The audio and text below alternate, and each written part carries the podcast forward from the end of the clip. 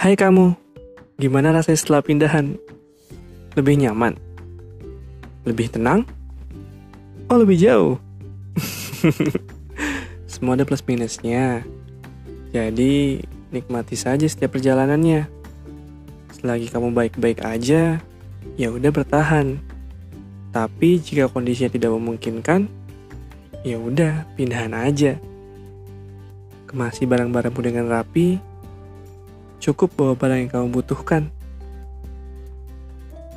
Tempat tinggal baru, suasana baru, perjalanan baru.